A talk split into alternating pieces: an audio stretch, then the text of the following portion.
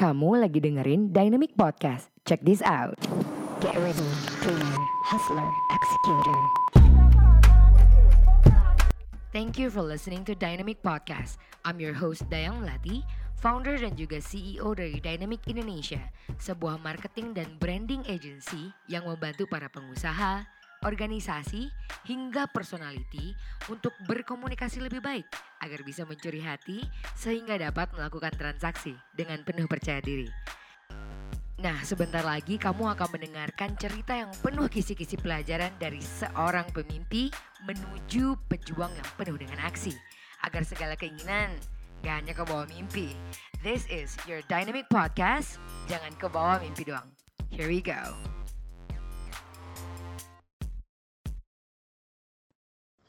Hi, welcome back, people. This is Dynamic uh, Podcast with your host Dayang Melati, and today exactly at the same time, enggak sih, ini kayak udah kayak show TV aja ya, semoga one day.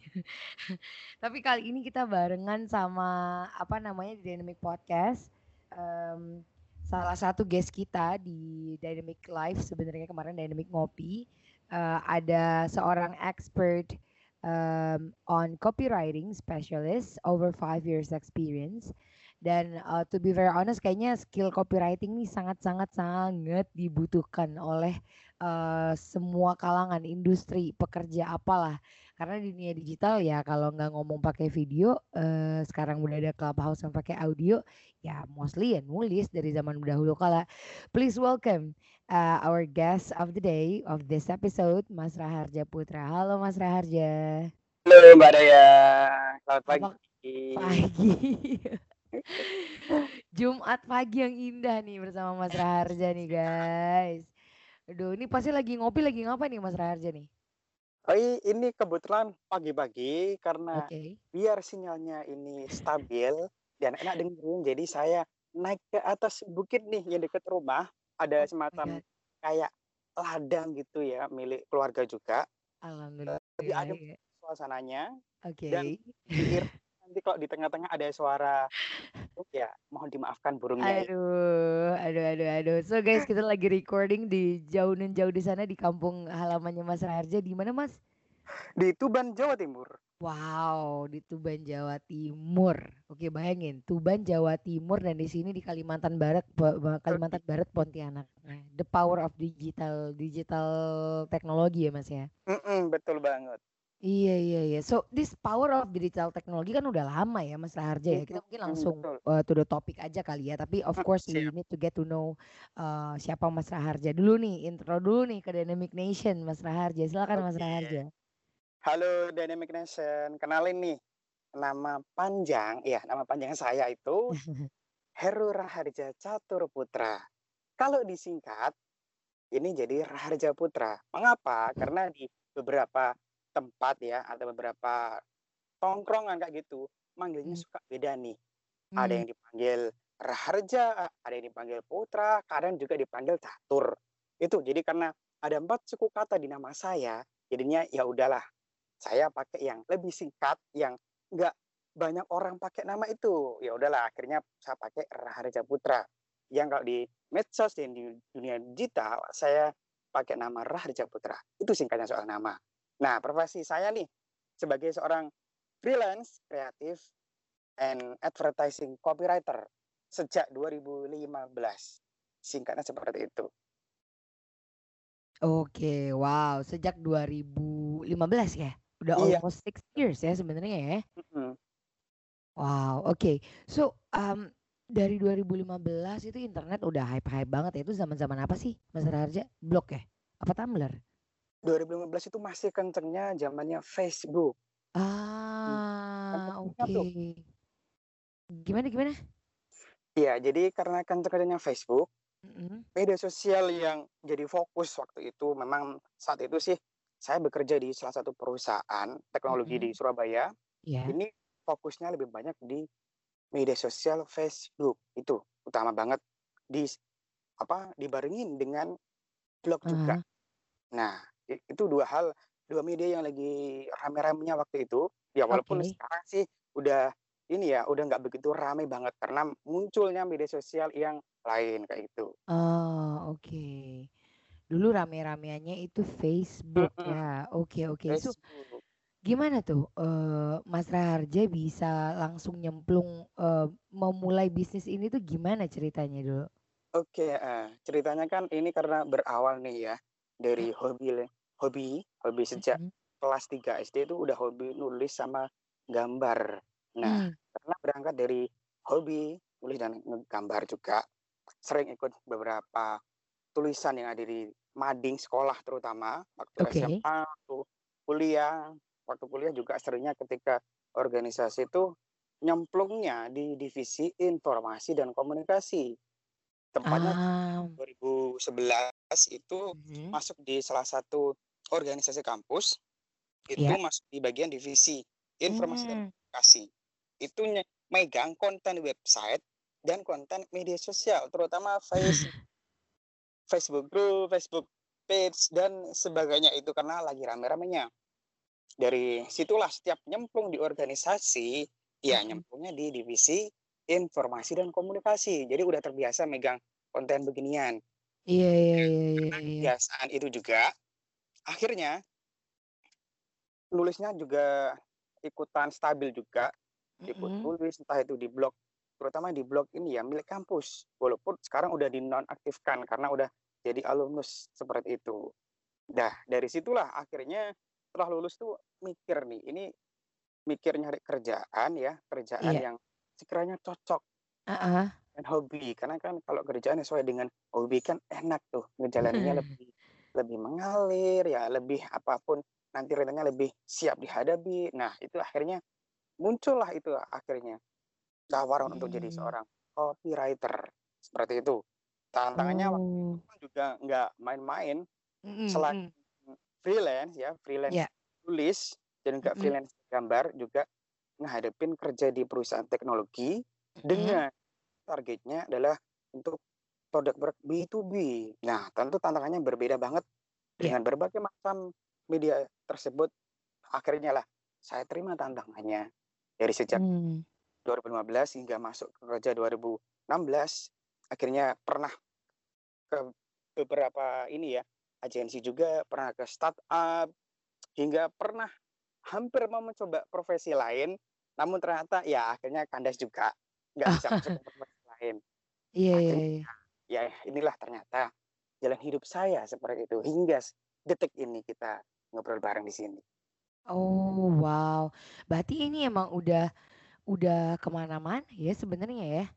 Hmm, Kayak bener. udah nyobain beberapa hal sampai sekarang independen seperti ini. Jadi sekarang eh eh, Mas eh, Raharja ini stylenya freelance ya berarti ya? Iya, eh, freelance. Jadi bisa ngerjain berbagai macam produk maupun jasa secara Ah, samaan kayak gitu. Jadi tantangannya lebih lebih besar di sini daripada kalau kita kerja di salah satu perusahaan hanya ah. menghadapi produk yang itu-itu saja.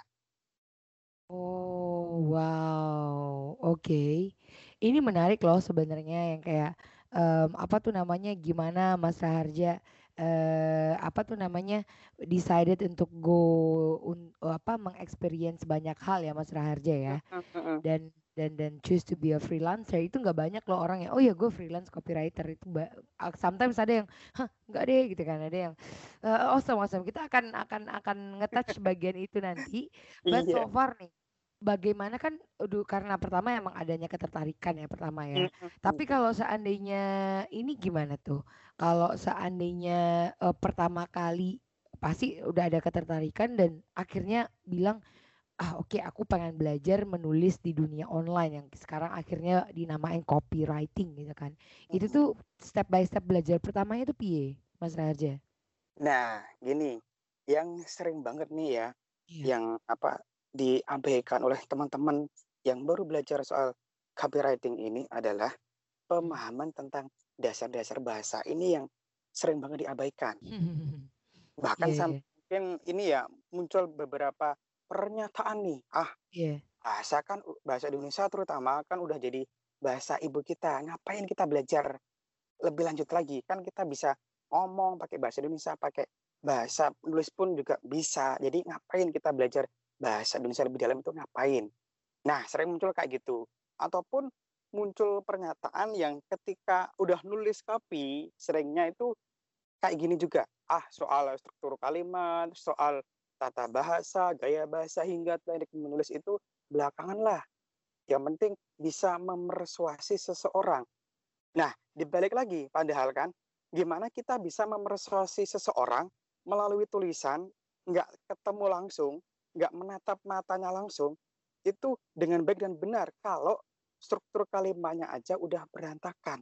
Nah, ini hal-hal dasar yang perlu ditanamkan, ibaratnya sebagai fondasi rumah. Jangan sampai kita bikin rumah itu dimulai dari mendirikan tiang dulu, hmm. terus mendirikan atap, terus ngisi dengan interior, baru yang belakangan bikin fondasi rumah. Kan nggak lucu. Kalau ke, ke, apa terkena badai, ya sekali terjangan aja udah rusak itu rumah. Sama hmm. belajar copywriting harus paham banget fundamentalnya, fondasinya mm -hmm. apa, harus langkah demi langkahnya itu harus jelas agar ya iya, itu, yeah, yeah. agar nanti apa yang dipelajari itu lebih runtut, lebih jelas, mm. enak dan terarah gitu, nggak nggak ke sana kemari. Apalagi di internet mm. kan udah bertebaran banget nih soal konten yang membahas dunia copywriting, baik itu di Instagram, baik itu mm -hmm di website maupun di media sosial yang lainnya. Itu yang perlu banget dipahami soal bahasa karena bahasa ya sebagai fundamental atau fondasi dari copywriting ini sendiri. Hmm, oke oke oke. Berarti pertama belajar dari fundamental bahasa ya kalau kayak gitu ya. Iya, nah, betul. uh, terdengar se sangat simpel tapi sebenarnya I don't think so that simple ya kayaknya ya Mas Raharja ya.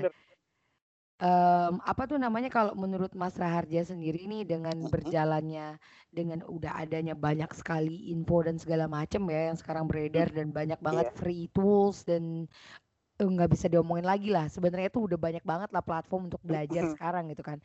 Nah kalau menurut Mas Raharja nih teman-teman yang biasanya kan yang dengerin Dynamic Podcast ini kan kebanyakan ini ya uh, kebanyakan tuh adalah orang-orang yang sekarang lagi uh, running a business atau emang early in their business gitu loh istilahnya. Yeah. Nah itu tuh menurut Mas Raharja um, apa tuh namanya um, apa sih step by step yang harus diiniin sama mereka yang harus di apa ya namanya ya yang harus dilakukan uh, gitu istilahnya oh satu tuh kamu harus fokusnya ke mana gitu istilahnya apa yang harus mereka fokuskan menurut, menurut Mas Raharja? Oke, menurut saya sih yang perlu difokuskan adalah soal ini ya, bagaimana kita bikin tulisan, bikin copywriting itu menyesuaikanlah dengan situasi dan kondisi.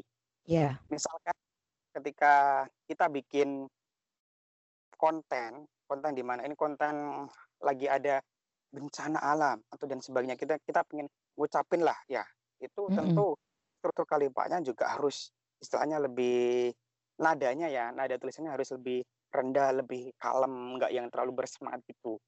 Sebaliknya juga seperti itu, ketika konten ngajak orang atau konten ngasih sesuatu, tips atau trik yang erat kaitannya itu dengan ngasih mimpi ya yang yang artinya bagus-bagus lah. Nah, itu yeah. tentu tulisannya juga harus yang positif.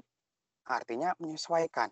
Yeah, yeah. Untuk mana yang positif, mana yang enggak, ya kita perlu yang namanya bikin brand voice tuh itu penting banget yang hmm, menentukan hmm. ciri khas dari suatu perusahaan atau bisnis dari iya. situlah yeah. sebagai dasar kita nanti agar bisa bikin atau kita merangkai copywriting yang sesuai dengan audiens kita intinya okay. di situ dulu hmm. Oke oke okay. um, menarik sih kalau kayak gitu ya sebenarnya step by step yang dikasih Mas Raharja juga yang kayak benar-benar um, sometimes banyak yang udah tahu juga tapi kok nggak dilaku-lakuin gitu loh istilahnya. Me, iya, meng, meng iniin kebosenan gitu loh Mas Raja. Menurut Mas Raharja gimana lah ya itu ya? Nah uh, untuk uh, uh, gimana Mas? Untuk mengusir kebosanan sih ya ketika nulis ya balik yeah. lagi. Balik lagi ke namanya pedoman brand voice-nya itu seperti apa? Hmm.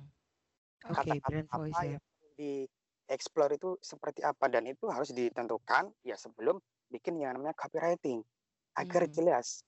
Apalagi nih soal gaya bahasa itu banyak sekali macamnya. Yeah, Baik setuju. ketika kita bikin ya, kita bikin untuk media sosial yang di mana hmm. ranahnya cenderung ranah bahasa percakapan dengan media yang kita gunakan misalkan surat kerjasama atau surat niaga tentu berbeda bahasanya. Nah, soal copywriting itu sendiri tentu bukan hanya untuk dengan bahasa yang sehari-hari atau bahasa percakapan atau bahasa enggak baku. Namun juga ada waktunya kita gunakan untuk hal-hal yang lebih formal. Kayak oh, oke. Okay. tadi saya sebutkan. Nah, itu hmm. penting banget jangan sampai kita nggak bisa bikin surat niaga, surat penawaran nah, itu dengan baik dan benar atau iya. bahkan yeah. masih berantakan dan itu memang perlu disadari. Copywriting bisa masuk ke situ. Bahkan hmm. bisa masuk ke hari-hari, yeah. keseharian bisa untuk parenting pun juga bisa. Nah, Betul. untuk mengatasi kebosanan ya itu tadi kita harus balik lagi ke yang namanya brand voice-nya kita itu seperti apa. Hmm. Atau yang lebih mudahnya ya kita pakai konten pilar atau istilah hmm. yang sering saya pakai itu matriks pemasaran kontennya itu seperti apa sih? Ada jenis-jenis konten yang apa yang perlu digarap. Nah, konten di berbagai media itu tentu Bu, bahasan juga menyesuaikan. Nggak lucu kan kita bikin untuk hal yang formal, untuk menjual lah ya istilahnya dengan target B2B, kita pakai bahasa sehari-hari. Belum nanti sampai ke pimpinan, itu penawaran kita udah pasti nggak bakal dibaca oleh orang yang terdepan dari suatu bisnis atau perusahaan. Gitu. Oh wow, kalau kayak gitu bener-bener ini banget ya Mas Raharja ya, yang kayak uh, ma dari mindset ya kayaknya harus dipikirin Iya. ya, nggak cuman yang kayak, "Oh aku bosan aku harus ngapain?" Nggak kayak nggak ngitung waktu, Iya, tapi emang dari mindsetnya dulu ya Mas Raharja ya. Tapi kalau menurut Mas Raharja sendiri, trik yang Mas Raharja lakukan untuk, uh, oke belajar dari mindset. Kalau seandainya dengan yang ada sekarang seperti ini nih, hacks yang biar bisa aku juga nggak percaya sih sama something yang instan gitu. Tapi apa sih habit? Nah ini nih yang harus nih. Habit yang harus kita install biar copywritingnya lebih bagus gitu. Karena yang kayak ya belajar ya belajar aja, banyak resources banyak resources aja. Ya pasti akhirnya mindsetnya mungkin terbentuk gitu Mas Raja. Tapi Mas Raja ini hampir enam tahun loh sangat fokus dan sekarang bahkan freelance uh, fokus di freelance copywriting. Apa sih habit yang Mas Harja lakukan ya mungkin yang bisa membantu Dynamic Nation yang sekarang oh, aku kebingungan nih gimana untuk mm, memulai ads uh, apa tuh namanya bisnis aku atau bikin landing page dan segala macam apa sih habit yang Mas Raja lakukan biar copywritingnya itu efektif gitu silakan Mas. Oke okay. jadi ini dimulai dari soal ini ya soal pola pikir atau mindset. Yeah. Sering kan orang itu ketika malas itu bersembunyi di balik kata-kata yang namanya writer block. Nah, itu kan sering banget. Bener antara, banget. Eh, nggak bisa bedain antara mana yang ini emang lagi malas atau emang yang ini lagi writer block. Nah, hmm. ini cenderung kebanyakan ya lagi malas bersembunyi dengan kata-kata itu agar ya terlihat lebih keren lah itu. Iya, betul. agar agar lebih keren. agar lebih keren. Mudah iya, iya, iya. itu ya hmm. sebenarnya dimulai dengan kebiasaan ya. Kebiasaan hmm. di mana kita harus mau nggak mau ya harus hmm menulis dengan konsisten setiap hari, menulis apa pun itu jenisnya. Yeah. Baik itu soal keluh kesah selama kita kerja atau selama seharian ngapain, pokoknya nulis aja. Yeah. Nulis aja bisa dimulai dengan hal apa pun topiknya. Kalau pengen meningkat dengan cepat, bisa ditetapkan nih setiap hari pengen nulis berapa kata. Misalkan dimulai dengan hari ini nulis 100 kata. Oke, besok kasih target bisa nyentuh atau nulis ya dengan misalkan dinaikkan jadi 200 atau 300 kata. Begitu juga berlaku kelipatan setiap harinya.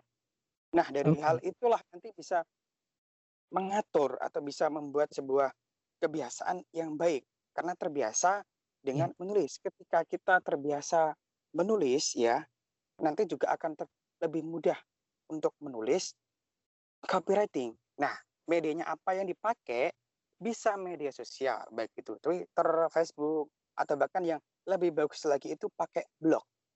Itu bakal hmm. lebih bagus hmm. lagi. Walaupun yeah, yeah. kita mungkin ada semacam kayak rasa nggak pede ya, nggak pede ini yeah, nanti iya. tulisannya yeah. bagus atau enggak ya, nanti bakal dibaca orang atau enggak ya.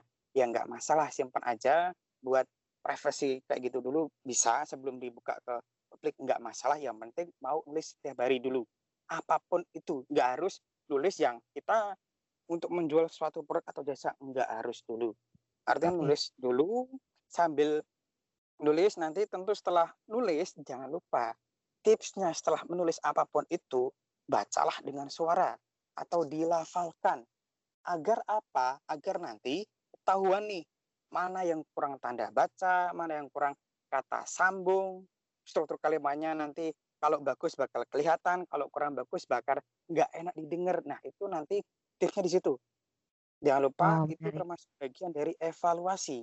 Nah ibaratnya ya kesimpulannya menulis terutama di media blog ataupun media yang lain itu ibaratnya sebuah latihan.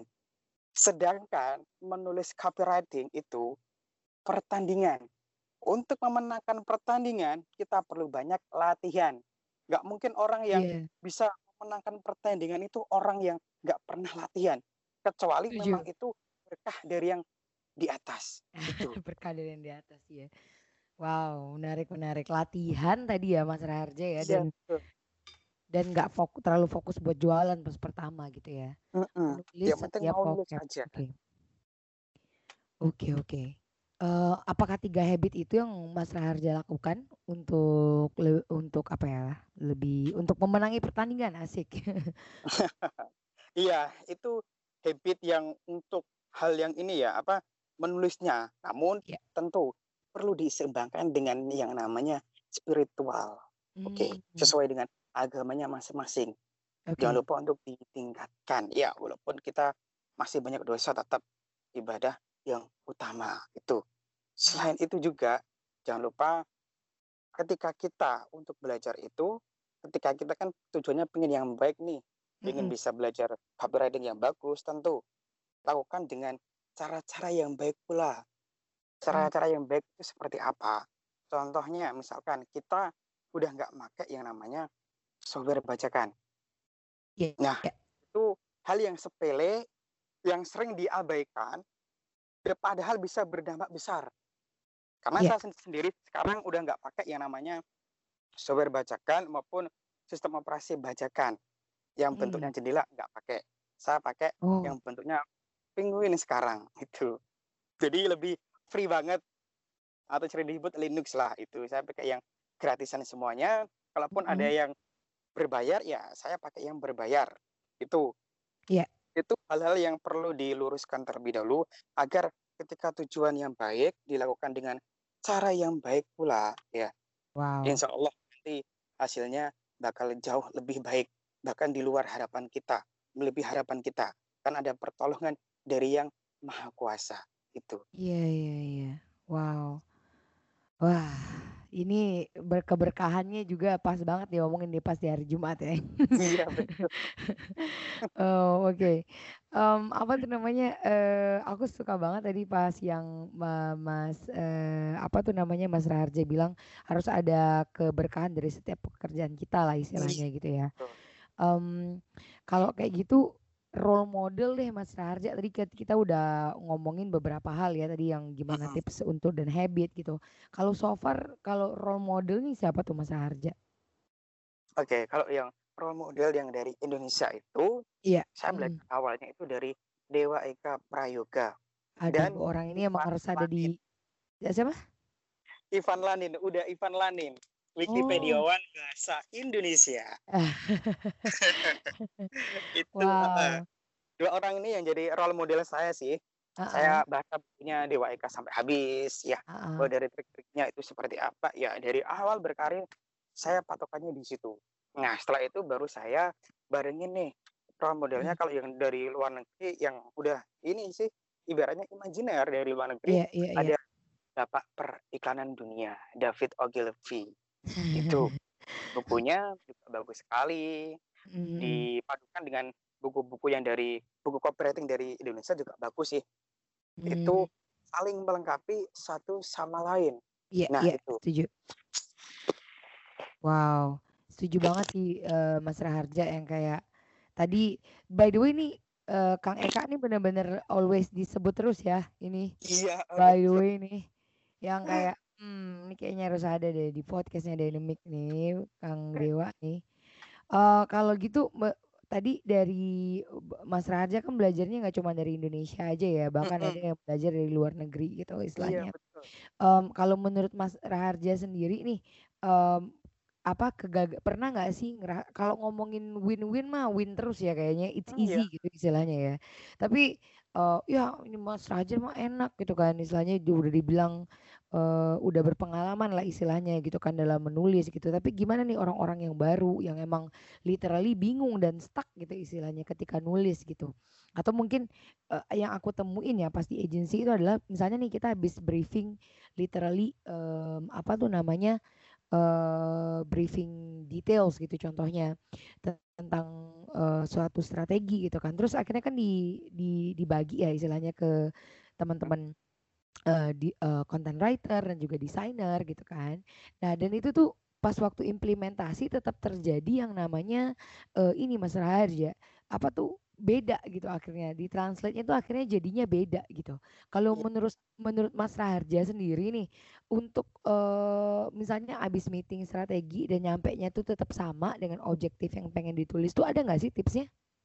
Oke, nah ini kalau soal objektivitas sih ada Mm-mm. beberapa ini ya, beberapa kondisi yang berbeda yang pernah saya alami selama berkarir nih.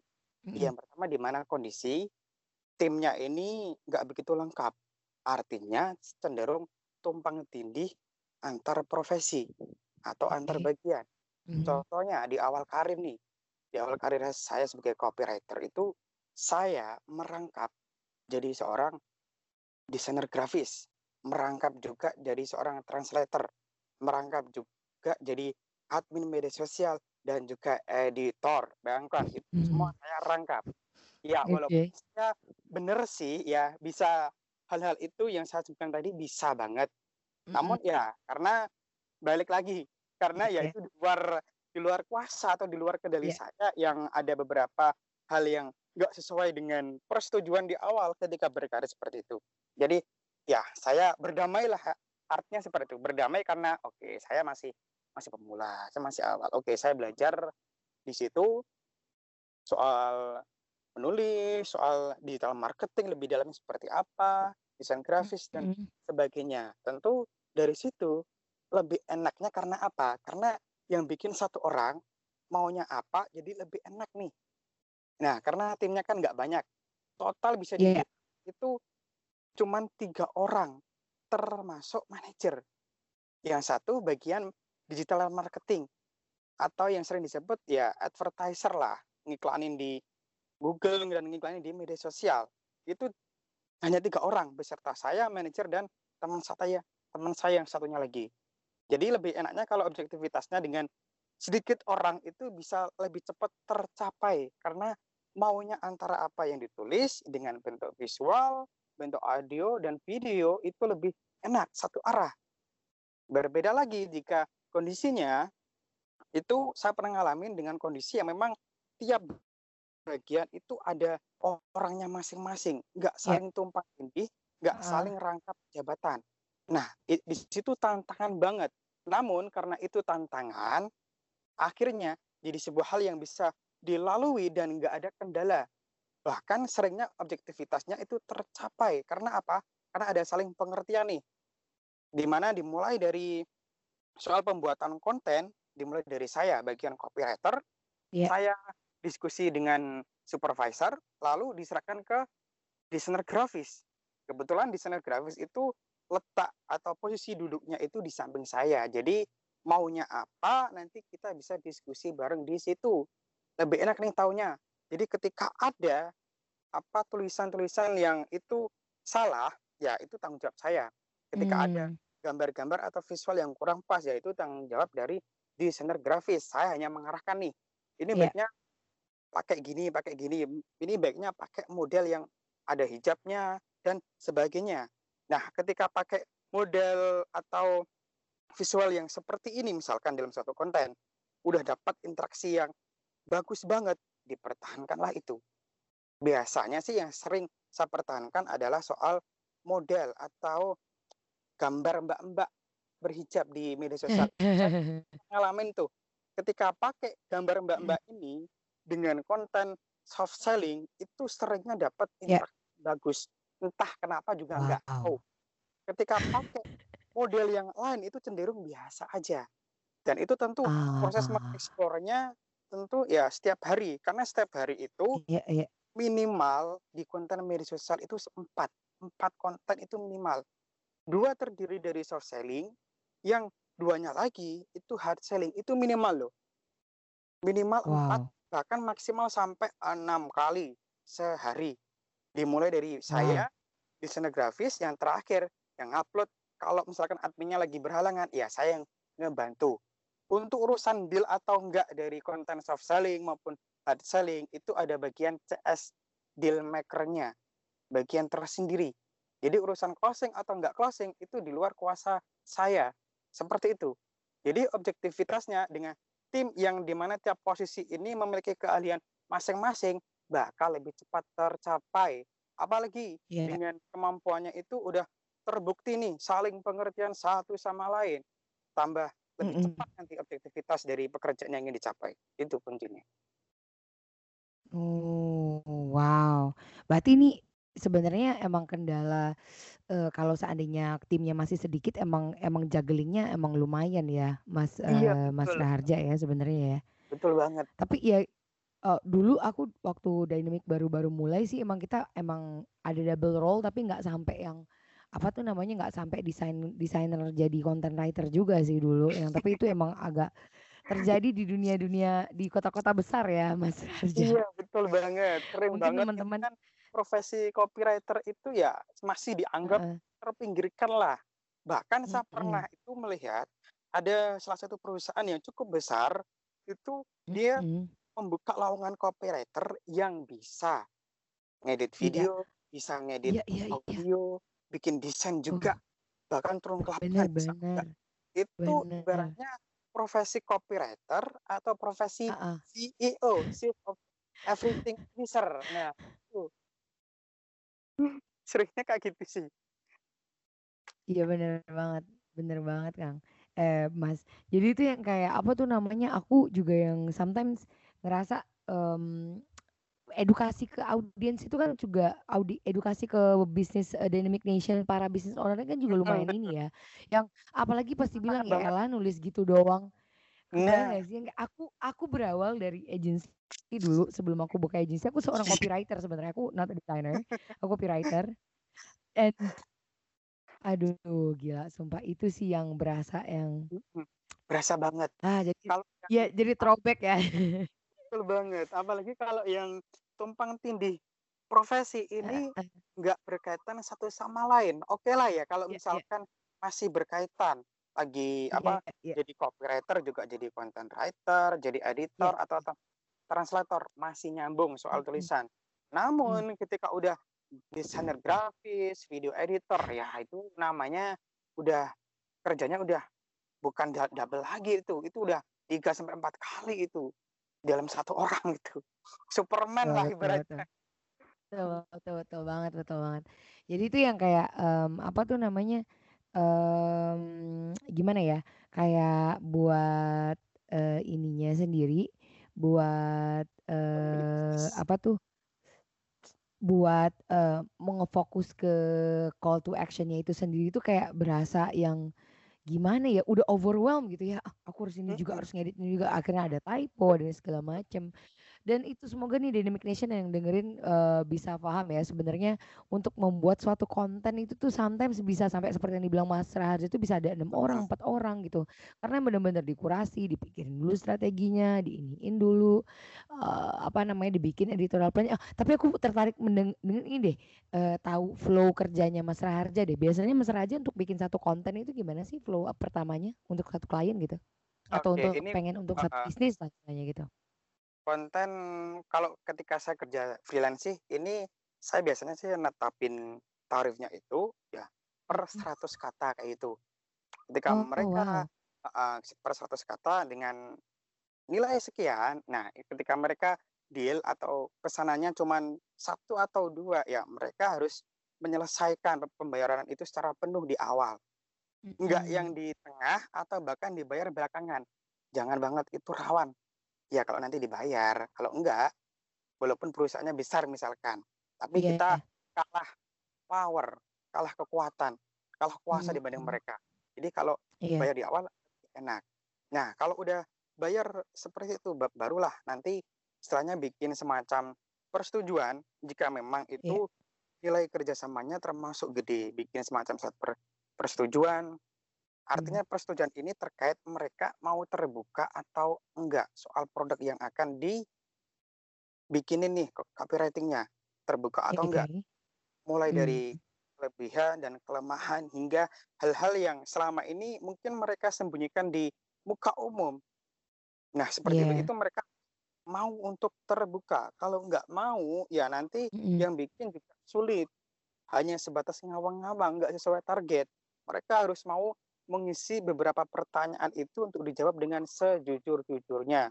Tentu nggak Hmm. semua produk atau jasa bisa saya kerjain sih kecuali Mm-mm. kalau misalkan apa produk-produk ini ya yang masih berbau syariah kayak gitu Mm-mm. oke namun ketika di luar itu misalkan pernah sih pernah dapat itu tawaran tawaran ini ya apa minta dibikinin copywriting soal produk yang Iya. bisa membesarkan sesuatu tuh Mm-mm. Ya Wow. itu sering banget produk yang bisa membesarkan sesuatu dalam diri, diri Ah. seseorang. Wow. Nah, itu saya dengan tegas menolak karena belum apa-apa itu udah nawar udah nawarin atau nampilin produknya ini Mm-mm. dengan foto-foto yang nggak pantas jadi ya saya tolak Hmm. produk-produk yang berbau miras dan Mm-mm. sebagainya itu ya saya tolak intinya kalau nggak oke cocok ya saya kembalikan lagi saya belum bisa mending yang lain nah itu setelah mereka oke dari situ barulah mulai riset riset biasanya seharian itu riset mulai Mm-mm. dari riset produk knowledge-nya hingga ke riset kompetitornya seperti apa Iya. kalau udah hari kedua sampai ke hari ketiga ini Mm-mm. waktu pekerjaan termasuk revisi. Kalau dari mereka nggak ada yang namanya minta revisi, oke Mm-mm. berarti mereka udah sepakat, udah oke dengan hasilnya. Nah, Hmm. ketika pengaplikasiannya hasilnya berdampak terhadap penjualan kah, pemasaran atau apa itu di luar kuasa saya. Artinya mereka Eh, yang iya. sendiri. Karena apa? Karena Hmm. saya pernah nemu ini ada pola pikir bahwa pebisnis itu kalau pakai copywriting bakal bisa menghasilkan atau meningkatkan penjualan dan pemasaran. Nggak kayak gitu Iya. juga. Karena copywriting hanya Mm-mm. salah satu faktor untuk meningkatkan penjualan. Masih ada faktor lain yang perlu ditingkatkan juga. Kalau copywritingnya udah Hmm. bagus, visualnya udah bagus, namun ada eksekusi eksekusi di bagian CS atau bagian yang non Mm-mm. layanan soal closing nggak oke, ya nggak terjadi penjualan. Seperti itu. Artinya ya pola pikir seperti itu harus banget ditanamkan. Karena saya Mm-mm. pernah dapat klien yang dia itu minta minta hasil hasil dari kerjaan saya. Ya saya kasih kasih portofolio saya seperti seperti ini. Namun kayaknya belum Hmm. puas. Belum puasnya karena apa? Seperti ingin melihat hasil penjualnya seperti apa. Loh kalau itu kan Mm-mm. tentu luar kuasa saya sebagai freelance. Kalau itu saya masukkan portofolio di tempat kerja ya saya nggak mau mengakui itu hanya hasil ka- karya atau hasil kerja saya. Bukan itu hasil kerja tim yang solid itu sih alurnya Hmm. Wow, wow. Jadi emang udah di clear clear definition dari awal ya, Mas ya. Iya kayak oh kalau kalau emang ini nggak ada tanggung jawab dari kita kalau seandainya ada em, ya itu emang burden juga sih sebenarnya kalau seandainya disuruh yang kayak aduh ini ini bisa ngasilin nggak nih gitu aduh kalau kita dewa nah rezeki iya udah bisa memastikan sesuatu ya kita nggak buka agency ya. Iya kita betul. iniin aja apa pun sendiri itu gitu. bisa menghasilkan atau iya. memastikan bakal terjadi angka sekian itu repot banget pola iya pikir iya. seperti oh gitu. Dari jan oh, oke. Siap siap. Menarik sih Mas Raharja. I think um, you know kayak aku ngerasa ya ternyata problem yang dihadapi nama kita tuh nggak kita sendiri yang Mm-mm. ini gitu yang yang merasakan ternyata teman-teman yang ngonten di sana tuh juga seperti itu gitu misalnya. Oke. betul. Oh that's good, that's good, that's good. Aku thank you banget tadi udah dikasih tahu tentang habit, udah dikasih tahu tentang role model gitu kan. Ini kayaknya kita dynamic harus uh, semoga Bang Deweka dengerin ini ya, ya Bang. Kita nge-podcast bareng Bang. ini banyak banget dari kemarin yang ngomongin beliau. Terus habis itu uh, tadi udah ngomongin tentang mistake juga ya dan juga gimana trik-triknya gitu. Kalau menurut aku pengen tahu Mas Raharja sendiri sekarang. Where do you wanna go gitu? Apa Mas Raharja always wanna be a freelancer atau gimana tuh? Oke. Nanti ya ke depannya sih berharap ada tim yang memang solid yang bisa Mhm. untuk membuat suatu mm, tempat belajar lah istilahnya ya. Tempat iya, iya, belajar iya. bahkan sampai nanti sampai ke yang namanya agensi. Ke depannya sih Oh, satu oke. mimpi saya itu bisa Heeh. bikin namanya akademi. Akademi bagi Oh, mereka yang wow. ingin jadi seorang penulis wara atau penulis naskah iklan atau populernya copywriter. Jadi Oke. benar-benar di Mhm. digembleng banget dengan profesi Mhm, seperti mhm. ini agar mereka itu Mhm. pola pikirnya jelas. Mereka ada tempat untuk belajar Setuju. yang memang memang itu mereka dipandu dari awal, mereka disiapkan kurikulumnya itu seperti apa. Jadi profesi Iya. copywriter biar nggak dianggap sebelah mata seperti itu. Wah, thank you, thank you. Kita dari agensi digital marketing agency merasa tergugah sih denger-denger obrolan ini gitu. Karena emang butuh banget mas yang kayak marketnya tuh Iya, masih kayak green banget ya yang kayak betul. not really Masih many people yang hmm, benar-benar fokus on that. Makanya aku pas ngeliat di betul pas waktu tim ngomongin eh Jess ini tolong dong di ini ya kita mau ngajak Mas Raharja nih gitu kan. Terus aku dengerin tuh di kantor was- waktu live sama Asa kan. Yang kayak Iya, wah ini sayang banget nih ilmunya kalau nggak di record di podcast gitu kan. Karena belum ada yang berani yang ngomong aku fokus copywriting gitu. Mungkin ada beberapa ya kayak Mas Raharja, Sion Deres gitu kan ya. Terus sampai Mas Bang Ni- eh, Koniko kemarin juga ngobrol gitu kan. So I think wah akhirnya nih udah diobrolin nih gitu karena itu it could be a really a career, a full time career ya sebenarnya sebagai Iya, seorang copywriter gitu. Waduh, waduh, waduh. So um so mimpinya pengen jadi kayak punya akademi, punya agensi dan segala macam gitu kan. Um, kalau pesan untuk eh, pesan dan apa ya pesan dan tips deh untuk Dynamic Nation yang di luar sana apa nih Mas Raharja? Kita udah sampai at the end of our interview nih. Oke, jadi pesan untuk Dynamic Nation di yang mendengarkan ini ya, mendengarkan podcast ini, Hmm.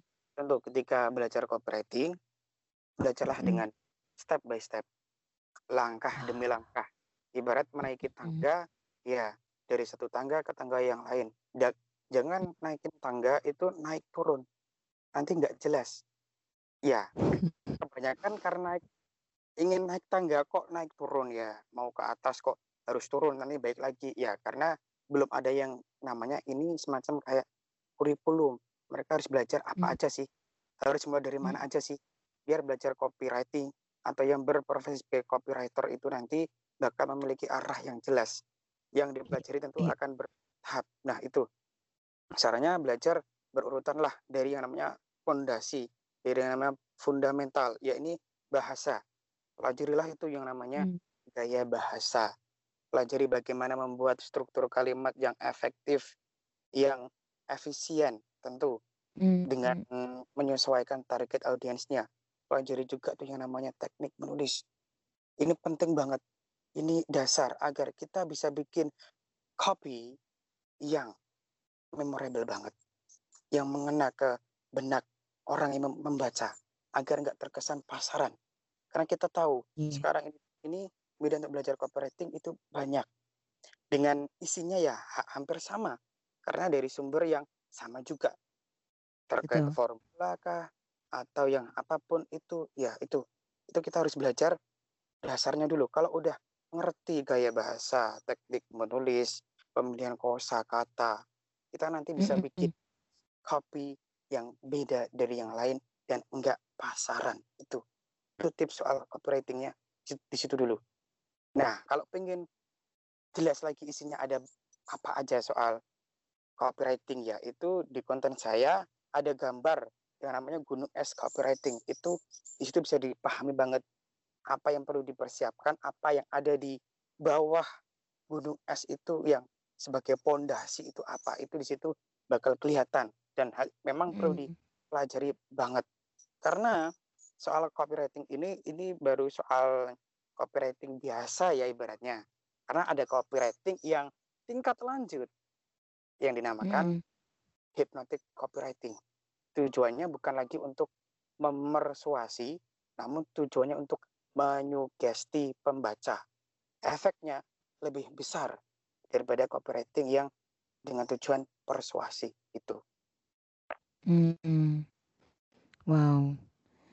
Eh, wow, ini kita baru 45 menit. Kalau seandainya bisa lebih nih, lebih nih karena ntar aku dimarahin dimarahin manajer editornya nih nanti guys. But uh, semoga next time kita bisa berkolaborasi ya. Ya. Mas Raharja, aku I'm looking forward banget loh ini. Karena emang butuh banget teman-teman yang lain untuk belajar what is the real copywriting all about gitu. And uh, teman-teman jangan lupa follow uh, Instagramnya beliau. Apa bang Insta- uh, Mas Raharja Instagramnya?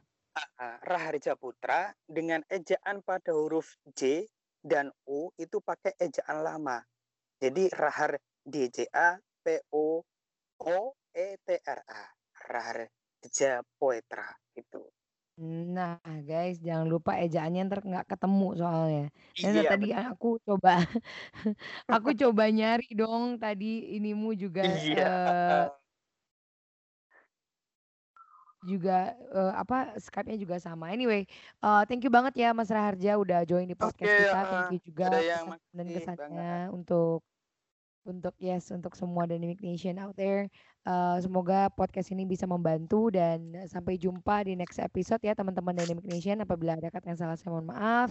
Eh, saya ada yang melatih dan Saya Raharja Putra, terima kasih sudah mendengarkan podcast kali ini dan mohon maaf bila ada kesalahan pengucapan selama tadi. Oke, thank you semua ya Dynamic Nation. See you in the next episode. This is Dynamic Podcast. Jangan ke bawah mimpi doang. Bye bye.